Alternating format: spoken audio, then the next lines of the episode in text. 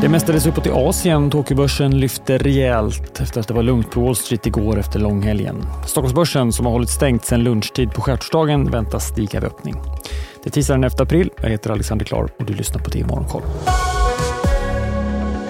Det är uppåt på flera håll i Asien. Tokyobörsen är upp knappt 1,5 procent. Börserna på det kinesiska fastlandet backar svagt ner ett par tiondelar av en procent. Och från Kina har vi fått den lägsta inflationen på över ett och ett halvt år. Mätt i årstakt steg inflationen med 0,7 procent i landet i mars, vilket var mindre än analytikerna förväntat sig.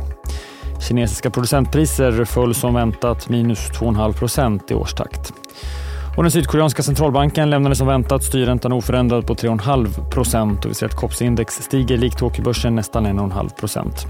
Och på Tokyobörsen stiger flera innehav som Warren Buffetts investmentbolag Berkshire Hathaway investerat i efter att Buffett sagt i en intervju att han kan tänka sig att öka i samtliga fem innehav. Och efter en lång påskhelg avslutade Wall Street närmast oförändrad igår. S&P 500 raderade 0,1 procent och Nasdaq stängde oförändrad efter den första börsdagen efter vi fått den amerikanska jobbrapporten på långfredagen Non-Form Payrolls som i stort motsvarade förväntan. Arbetslösheten sjönk till och med ner till 3,5 procent. Framförallt påverkar utfallet räntemarknaden och den amerikanska tvååringen har stigit drygt 20 punkter sedan förra veckan. Tvååringen står nu i 3,98 och tioåringen i 3,40. Helgens rapportering har handlat mycket om utvecklingen i Taiwansundet samt läckan från det amerikanska försvarsdepartementet Pentagon. Kina fortsätter att skärpa tonen i Taiwanfrågan och har genomfört en tre dagar lång militärövning utanför Taiwan. Igår flög ett 60-tal kinesiska stridsplan i närheten av landet och flera uppges också ha varit inne i Taiwans luftvärnszon.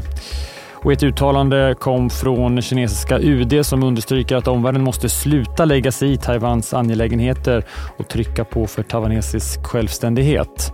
Taiwans självständighet och fred i Taiwansundet är två saker som utesluter varandra, löd uttalandet. President Joe Biden kan mycket väl ställa upp för omval nästa år. Biden sa i en intervju med NBC igår att han planerar att ställa upp i presidentvalet men att han ännu inte är redo att gå ut med ett tillkännagivande. Och priset på bitcoin har stigit kraftigt över natten. En bitcoin kostar nu över 30 000 dollar, vilket är första gången sedan juni förra sommaren. Sveriges och SCBs boprisindikator som mäter prisförväntningarna på den svenska bostadsmarknaden gick i sidled från mars till april. Barometern steg från minus 9 till minus 8. Det betyder att 29 procent av de tillfrågade tror på stigande priser under det kommande året jämfört med 31 procent senast, medan 37 procent tror på fallande priser. Det var 40 procent i den förra mätningen. Veckans agenda handlar mycket om inflation. Vi får amerikansk imorgon där kärninflationen väntas landa kring 5,5 procent, likt vi såg tidigare. Och svensk kommer på fredag. Den väntas sjunka till 8,4 procent, ned 1 procent från vad vi såg i februari.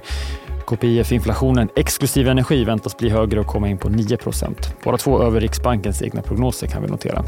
Senare idag väntar vi också dansk inflation och den ska backa något om vi ska tro förhandstipset från 7,6% senast ner till 7,2% nu. Och även norsk inflation väntas backa något och komma in på 6,1% medan landets kärninflation faktiskt väntas stiga igen.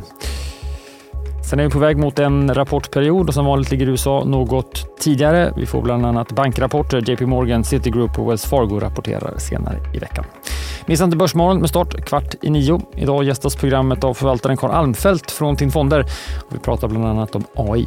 Eller välj att lyssna på programmet som en podd som släpps klockan 11. Det är Morgonkoll är tillbaka igen imorgon. Jag heter Alexander Klar.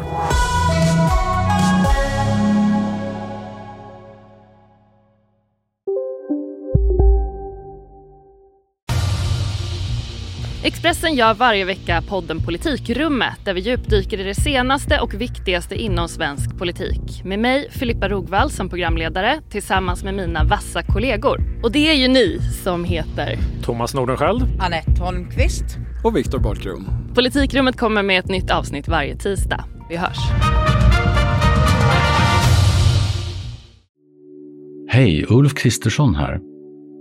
På många sätt är det en mörk tid vi lever i. Men nu tar vi ett stort steg för att göra Sverige till en tryggare och säkrare plats. Sverige är nu medlem i Nato. En för alla, alla för en.